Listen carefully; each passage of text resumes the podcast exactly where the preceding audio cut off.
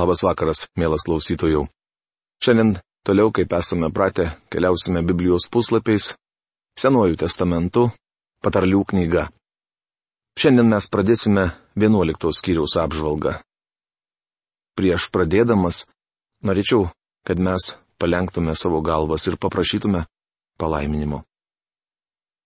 Dangaus Dieve, mes dėkojame tau, kad galime dabar atidėti visus savo darbus į šalį galime nukreipti savo žvilgsnius į tave.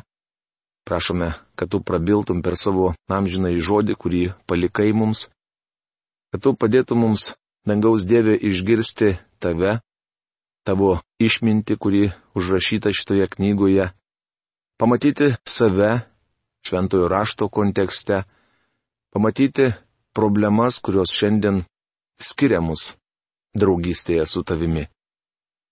Meldžiu tavo dvasios vedimo viešpate kiekvieno žmogaus širdyje. Ir prašau, kad mano lūpos galėtų tinkamai padaryti tai, ką tu esi šiandien man pavedęs. Palaimink Dievę tą laiką. Jėzaus vardu. Amen. Taigi, patarlių knyga 11 skyrius. Kaip jau matėme, jaunuolis mokosi kolegijoje, o jo mokytojas išmintis - tai yra Kristus. Išmintis turėjo eiti į kelius ir kryškelės, kad surinktų mokinius, tačiau dabar klasė pilna. Kolegijoje naudojamas ypatingas mokymo metodas. Išmintis moko patarlėmis. Šios patarlės dažniausiai parašytos kupletais. Dvi sudėtinio sakinio dalis paprastai sieja vadinamasis hebrajų poezijos paralelizmas. Minties kartojimas ar perfrazavimas - būdingas hebrajų poezijos bruožas žinomos trys paralelizmų rūšis. Pirmoje sakinio dalyje išreikštos minties pakartojimas vadinamas sinoniminiu paralelizmu. Antitezinis paralelizmas - tai priešinga atvirkštinė tiesa. Minties, pasakytos pirmoje sakinio dalyje, tolesnis plėtojimas vadinamas sintetiniu paralelizmu. Išmintis duoda keletą gerų patarimų, kuriuos visuomet reikėtų prisiminti tvarkant verslo reikalus. Neteisingos svarstyklės pasibjaurėtinos viešpačiui, o sąžiningas svarstis jam teikia malonumą. Patarlių knygos 11 skyriaus pirmą eilutę. Dievui rūpi verslas. Tačiau jei esate sukčius, jis nelaimins jūsų verslo. Jei naudojate sažiningus varščius, jis laimins jūs. Krikščionis verslininkas turi būti sažiningas ir doras. Aš dėkingas Dievui, kad šiandien yra daug nuostabių tikinčių verslininkų. Sėki su vienu iš jų žaidžiau golfą. Jis gyvena Čikagoje, bet buvo atvykęs į Floridą dalyvauti Biblijos konferencijoje. Nors mes tapome gerais pažįstamais apie jo verslo reikalus, aš nekatė žinojau.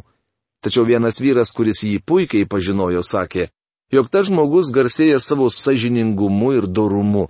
Jo verslas klesti. Nuostabu žinoti, kad dar yra tokių žmonių. Puikybė lydi gėda, o pas kukliuosius ateina išmintis patarlių knygos 11 skyriaus antra eilutė. Dar viena populiari nuodėmė - išdidumas. Jau pirmame kurse jaunuolis įspėjamas saugotis puikybės. Šioje patarlėje supriešinama didybė ir nuolankumas. Išdidumą visuomet lydi gėda. Šventajame rašte, ypač patarlių knygoje apie puikybę kalbama iš tiesų daug.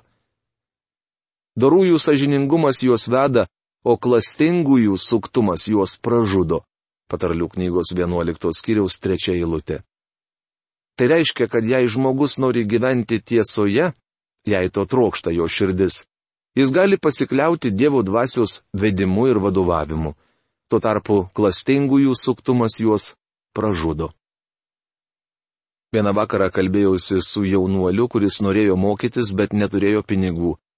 Su ta pačia bėda jaunystėje buvau susidūręs ir aš. Jis paklausė manęs, kaip sužinoti Dievo valią, iš kur jūs žinote, kaip turite elgtis. Aš jam atsakiau, su tokia pat problema buvau susidūręs ir aš. Man visuomet likdavo tik vienas kelias, tad būdavo paprasta pasirinkti. Galėdavau eiti tik tuo vieninteliu atsivėrusiu keliu. Jei durys būdavo uždarytos, tekdavo su tuo taikytis. Jei neturėdavau pinigų mokslams, nesimokydavau. Tačiau viešpats visuomet atverdavo man vienas vienintelės duris, kad aš galėčiau pro jas įeiti.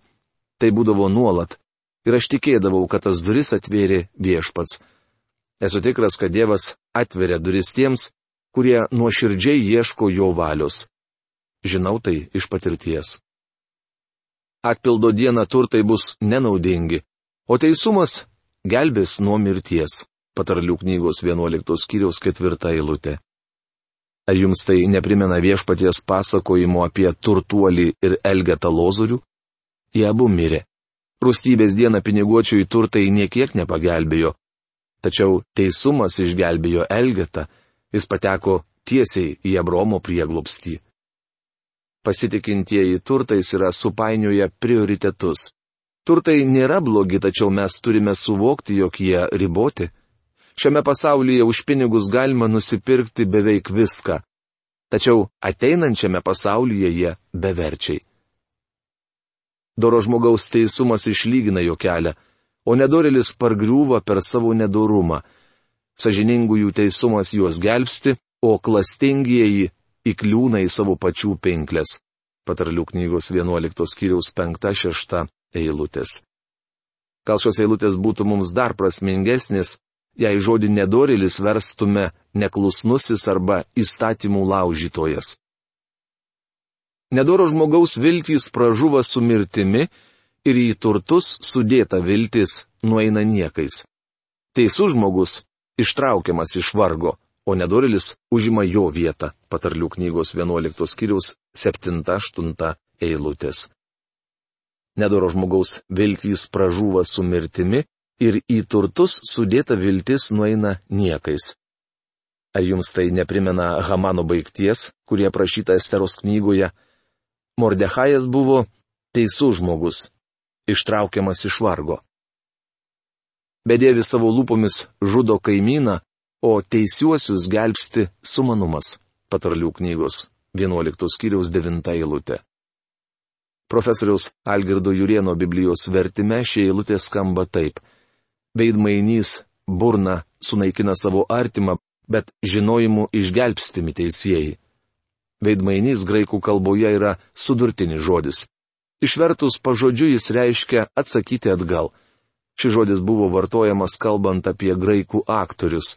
Kai vienas aktorius ištardavo savo repliką, kitas žinodavo, jog dabar jo eilė sakyti savo tekstą. Tai būdavo vaidinama. Taigi veidmainys religijos srityje yra apsimetelis. Tai tas, kuris nenuoširdžiai kartoja. Aleliuja, garbė viešpačiui. Toks žmogus tik vaidina savo vaidmenį nešlovindamas viešpaties savo širdyje. Veidmainys burna sunaikina savo artimą, verčia profesorius Algirdas Jurienas. Jis dėsis jūsų draugu, tačiau kai nuo jo nusigręšite, jis suvarys jums į nugarą peilį, stengdamasis paslėpti savo gyvenimo nuodėmes. Kokį Biblijos veikėją jums primena šie žodžiai? Ar netokia buvo Potifaro žmona, bandžiusi suvilioti Juozapą, Ji melagingai apkaltino Juozapą, kad paslėptų savo nuodėmę. Kalta buvo ji, tačiau toji moteris apkaltino Juozapą, kad išgelbėtų savo kailį. Ar kas patikės vergo pasakojimu, kai aukšto faraono pareigūno žmona sako visai ką kitą. Juozapui nevertėjo net burnos aušinti. Vis viena, jo niekas nebūtų patikėjęs. Nelaimiai bažnyčiose taip pat atsiranda veidmainių, kurie norėdami apsiginti lieja tulžį ant kitų ir kalba šlikščiausius dalykus. Mane visuomet gazdindavo žmonės, kurie maloniai kalba su pamokslininku, bet vos tik šis nusisuka jį kritikuoja. Aš visada maniau, kad turiu jų saugotis. Toks žmogus savo gyvenime kažką slepia. Laikas dažnai parodydavo, jog aš, vertindamas situaciją, neklydau. Štai apie tokią veidmainystę kalbama šioje patarlėje. Miestas džiūgauja dėl teisiųjų sėkmės, o nedorėliam žuvus šaukiama iš džiaugsmo. Dorųjų laiminimų miestas statomas, o nedorėlių lūpomis greunamas. Patarlių knygos 11 skyriaus 10-11 eilutės. Skaitydami šias patarlės prisiminkite Dovydą ir Saulių. Kuomet Davidas buvo Izraelio karalius, Jeruzalė klestėjo. Mirus karaliui Sauliui didelio gedulo nebuvo. Kas niekina savo kaimyną, tam trūksta širdies, o protingas žmogus nutyli. Patarlių knygos 11 skyrius 12 eilutė. Manau, šie žodžiai tinka Dovydui. Ar kada susimastėte, kokią įtaką Saliamonui darė Davido gyvenimas? Taip, Davidas nusidėjo su Saliamono motina Batšeba, tačiau be šios juodos dėmesio jo gyvenimas buvo nuostabus. Jūs prisimenate, jog tuo met, kai Apšalomas sukilo prieš savo tėvą Dovydą ir pastarasis buvo priverstas bėgti iš miesto. Sauliaus giminaitis šimis keikė jį. Dovido karvedys Juabas buvo pasiryžęs eiti ir perverti šimį jėtimi. Tačiau Dovydas tarė, ne. Jis kalba tai, kas yra jo širdyje tai Dievo bausmė man. Protingas žmogus nutyli. Kai kurie žmonės keiks jūs, juodins ir drapstys purvais stengdamiesi sugadinti jūsų reputaciją. Nutilėkite. Viešpats viskuo pasirūpins, kaip pasirūpino Davido situacijoje. Šioje knygoje surašyti nuostabus principai. Jaunimui juos vertėtų studijuoti. Panašu, kad šiandien Dievo dvasia judina jaunus žmonės. Norėčiau, kad jie studijuotų patarlių knygą. Jie atvestų juos pas Kristų, nes jis yra išminties mokyklos direktorius. Kristus yra tapęs mums išmintimi. Patarlių knyga suteiktų jaunimui sveikos nuovokos, kurios, kaip man regis šiandien, mums visiems labai trūksta. Aukštas intelekto koeficientas nėra tiesiogiai proporcingas sveikai nuovokai. Liežuvautojas vaikštinėja, išplepėdamas paslaptis, o patikimas žmogus apie jas neprasitarė. Patarlių knygos 11 skyriaus 13 eilutė. Liežuvautojas yra tas, kuris savo kalbomis stengiasi įskaudinti kitus. Kartais jis sako tiesą, tačiau ir jo sakyti nedėrėtų. Jei žmogus žino, kad brolis nusidėjo, jam reikėtų nueiti ir pasišnekėti su juo asmeniškai, o neskalambyti visiems apie jo nuodėmę. Kur nėra kam vadovauti, tauta žūva. Saugumą laiduoja patarėjų gausumas. Patarlių 11 skyriaus 14 eilutė. Kad ir koks protingas būtumėte, jums reikia gero patarimo. Prisiminkite, jog Dievas padarė Danielių nebukadnecaro patarėjų. Iš šiam karaliui daug padėjo. Vėliau Danielius tapo Kyro patarėjų. Ir didžiai jam pasitarnavo. Kas laiduoja už svetimą, daro savo skriaudą, o kas atsisako tai daryti, neturės rūpešių.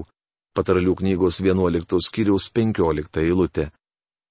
Kas laiduoja už svetimą, daro savo skriaudą. Jam tenka mokytis iš savo klaidų. Tačiau vienas žmogus laidavo už svetimą. Žinote, kas jis? Kągi pasiklausykite apaštalo Pauliaus. Jūs juk pažįstate mūsų viešpatės Jėzaus Kristaus malonę ir žinote, jog jis, būdamas turtingas dėl jūsų tapo vargdieniu, kad jūs taptumėte turtingi per jo neturtą, rašoma antrame laiške kurintiečiams aštuntame skyriuje devintoje eilutėje. Jis prisėmė jūsų ir mano nuodėmė skolą, jam teko iškesti siaubingą bausmę. Jo išgyvenimai pranašiškai aprašyti 69 psalmės penktoje eilutėje. Daugiau negu plaukų man ant galvos yra žmonių, kurie nekenčia manęs be priežasties.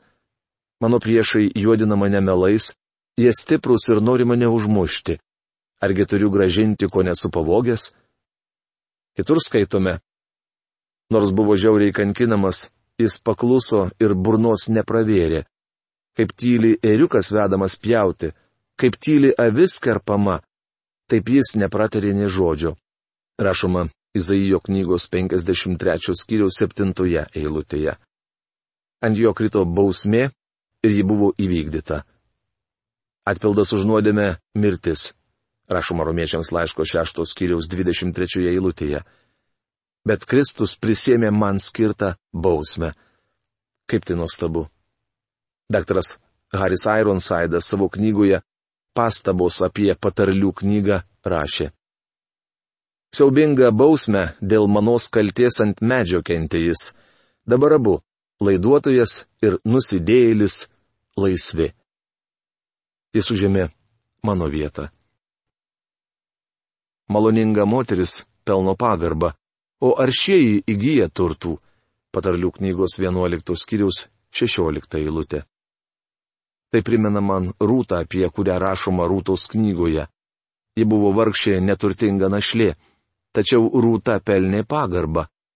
Buazas galėjo jai pasakyti, nes visa miesto taryba žino, kad esi kilni moteris, rašoma rūtos knygos trečios skyriaus vienuoliktoje eilutėje. Ja pažinojo visas Betliejus. Ji pelnė ne tik vyro, bet ir visų kitų žmonių pagarbą. Antroji dalis taikytina Buazui. O aršieji, Kostas burbulys verčia stiprieji, įgyja turtų. Nedoras žmogus užsidirba apgaulingą užmokestį, o siejantys teisumą gauna tikrą atlyginimą. Teisumas - gyvenimo ramstis, o pikta ieškojimas veda į mirtį. Viešpats bjaurisi sukto širdies žmogumi, o tie, kurių elgesys be priekaišto jam patinka. Būk tikras, kad nedoras žmogus neliks nenubaustas, o teisiųjų palikonis išsigelbės. Patarlių knygos 11 skyriaus 18-21 eilutės. Čia supriešinama nuodėmė ir teisumas. Apgavystės ir neteisybės laukia neišvengiama bausmė. O tikinčiojo teisumas yra Kristaus teisumas. Turėdami jį mes nepateksime į teismą, nes iš mirties esame perėję į gyvenimą, rašoma Jono Evangelijos 5 skyriaus 24 eilutėje. Toliau skaitome rinktinę patarlę. Tarsi aukso žiedas įvertas keuliai snukį, yra graži moteris neturinti sveikos nuovokos. Pataralių knygos 11 skyriaus 22 eilutė. Ar kada matėte keulę su aukso žiedu knyslėje? Na, Holivude, Kalifornijos valstijoje jų daug. Tai gražios moterys besveikos nuovokos. Teisų žmonės gali trokšti tik gerą, o nedoriliai gali tikėtis tik pykčio. Patarlių knygos 11 skyriaus 23 eilutė. Ramybę ir džiaugsmą mes galime patirti tik tuo met, jei turime tinkamą ryšį su Kristumi. Vieni dosniai dalyja ir turtėja, o kiti šykštauja daryti, kas teisų ir skursta. Dosnus žmogus turtėja, o kas pagirdo kitus, tas pats bus pagirdytas. Patarlių knygos 11 skyriaus 24-25 eilutės. Tai paradoksas. Daktaras Ironsidas rašė, geriausią komentarą šioms eilutėms pateikė Bunjanas, keistai surimuotoje senojo sažiningumo patarlėje, kurią išaiškina Gajus. Gyveno toks žmogus, kurį švaistytojų kai kas vadino bet kuo daugiau jis leido, tuo daugiau jam pelno grįžo. Kas duoda savo turtą vargšams, tas dešimt kart daugiau jo randa. Viešpats sakė, jog tas, kuris šykščiai sėja, šykščiai ir pjaus. Tai visuotinis principas. Žinoma, jis galioja ir aukojant. Kas kaupia grūdų atsargas, tą žmonės keiks, o kas juos dalėtas bus palaimintas. Patarlių knygos 11 skyriaus 26 eilutė. Ši eilutė primena man Juozapą Egipte. Jis nešikštėjo grūdų. Septynerius metus šis vyras kaupė grūdų atsargas, kad vėliau galėtų išmaitinti pasaulį, taip pat ir savo tėvą, brolius bei jų šeimas. Skaitydamas šią patarlę dar prisimenu Nabalą. Jam tinka žodžiai, kas sulaiko javus tą prakeikę žmonės, verčia profesorius Algirdas Jurienas. Jis buvo kvailys, ką ir reiškia jo vardas. Nabalas buvo vedęs gražią moterį vardu Abigailė. Nežinau, kodėl Abigailė sutiko už jo tekėti. Tikriausiai todėl, kad šis vyras buvo turtingas. Dovydas lapstydamasis nuo karaliaus Sauliaus prižiūrėjo Nabalo avis ir daug kartų jam pagelbėjo. Taigi, kai Dovydas su savo vyrais pristigo maisto, jis kreipėsi į Nabalą. Tačiau Nabalas jam atsakė, Iš tikrųjų jis įžeidė Davido pasiuntinius. Karštakošis Davidas negalėjo pakęsti tokio pažeminimo. Jis nusprendė susidoroti su Nabalu, tačiau Abigailė pasitiko jį su bendravimo atnaša. Ši patarlė puikiai apibūdina Nabalą. Mano manimu, ši patarlė turi ir dvasinį pritaikymą. Grūdai - Dievo žodis. Daugelis pamokslininkų sulaiko grūdus. Užuot mokę Dievo žodžio, jie pamokslauja apie politinius ir socialinius dalykus. Dieve pasigailėk pamokslininkų, kurie neduoda savo žmonėms grūdų. Šiandien mes visi turime dalinti grūdus. Tai ne vien pamokslininkų pareiga. Gal jūs sėdite nuo šaly, neduodamas aplinkiniams grūdų? Jūs galite sužadinti žmonėse norą studijuoti Dievo žodį, bičiuli, kas sulaiko javus, tą prakeikę žmonės verčia profesorius Algirdas Jurienas. Tačiau koks džiaugsmas, kai kas nors prieina padėkoti jums už tai, kad paskelbėte jiems gyvybės žodį. O kas juos dalyja, nemokamai uždyka, tas bus palaimintas. Kas stengiasi daryti gerą, tas užsitarnaus malonės, o kas ieško piktą, tą ištiks piktą. Patarlių knygos 11 skyrius 27 eilutė. Tai dar vienas įrodymas, jog ką žmogus sėja, tą ir pjaus, kaip rašoma, Galatams 6 skyriaus 7 eilutėje. Kas pasitikė savo turtais, tas nuvys, o teisėjai viešės kaip lapija. Patarlių knygos 11 skyriaus 28 eilutė. Sakydamas palyginimus, kurie, manau, buvo tikros gyvenimiškos istorijos, mūsų viešpats kalbėjo ir apie ūkininką. Jo laukuose gausiai uždėrėjo javai, todėl ūkininkas nusprendė nugriauti senus klojimus ir statytis didesnius. Į tai jis buvo sutelkęs visą savo dėmesį. Nieko blogo statyti didesnius klojimus, Tačiau mūsų viešpats sakė, jog tas vyras buvo kvailys. Jis buvo taip įnikęs į žemiškų klojimų statybą, kad visai nepasirūpino amžinybę. Tokią grėsmę kelia turtai. Niekas negali nusipirkti kelialapio į dangų. Teisus elgesys - gyvybės medis, o smurtas atima žmonių gyvastį. Patarlių knygos 11 skyriaus 30 eilutė. Prieš daugelį metų, kai pamokslininkai ėmė susilaukti vis daugiau kritikos, buvo nuspręsta atlikti tam tikrus tyrimus. Paaiškėjo, kad net keli jungtinių valstijų prezidentai buvo pamokslininkų sūnus. Vienas iš jų - Woodrow Wilsonas. Daugelis žymių mokslininkų taip pat buvo pamokslininkų vaikai. Vadinasi, galima sakyti, kad išgelbėtų žmonių vaikai gyvenime daug pasiekia. Regis šiandien labai populiaru renkti paskaitas apie tai, kaip išugdyti šeimoje idilę ir harmoniją. Norėčiau palikti šiuos diletantiškus ir paviršutiniškus mokslus nuo šaly. Psichologijos kursas apie tai, kad namuose mes turime būti meilūs ir malonūs, nepadės įspręsti problemos. Mums būtina grįžti prie Dievo žodžių ir Dievo baimingo gyvenimo. Jei šeimose vyrautų teisumas, daugelis dabartinių problemų išgaruotų kaip dūmas. Teisus elgesys - gyvybės medis. Kosto burbulio Biblijos vertime antroji 30 eilutės dalis skamba taip. Kas laimi sielas, tas išmintingas. Šiandien akcentuojama asmeninio liudymo svarba. Tai gerai. Manau, tai vienas iš nuostabiausių nūdienos reiškinių. Dievo žodėje nuolat kartojama, kas laimi sielas, tas išmintingas. Jeigu teisus žmogus žemėje susilaukia atpildo, juo labiau susilauks nedorilis ir nusidėjėlis. Patarlių knygos 11 skyriaus 31 eilutė. Teismo diena artėja. Galite tuo nebejoti. Mėlyi, mes šiandien apžvelgėme 11 patarlių knygos skyrių. Aš tikiuosi, kad Dievo žodis kuris yra kaip dviešmenis kalavijas, iš tikrųjų prasiskverbė jūsų tikinčias ir netikinčias, pasitikinčias ir dar nepasitikinčias širdis. Klausimas, ar jūs leisite tam žodžiui įsiviešpatauti ne vien tik tai jūsų protuose ir kad jisai skambėtų ne vien tik tai jūsų ausise, bet kad pasiektų vis dėlto širdį ir padarytų tą darbą, kurio negali padaryti joks kitas žodis tik Dievo žodis gali suteikti jums pasitenkinimą šiuo gyvenimu naujoje kokybėje, būnant išgelbėtų žmogumi. Linkiu jums pasirinkti tą kelią. Ir šiandien išgirstas žodis norėčiau, kad nepraeitų veltui. Su šitais palinkėjimais noriu atsisveikinti. Sudė.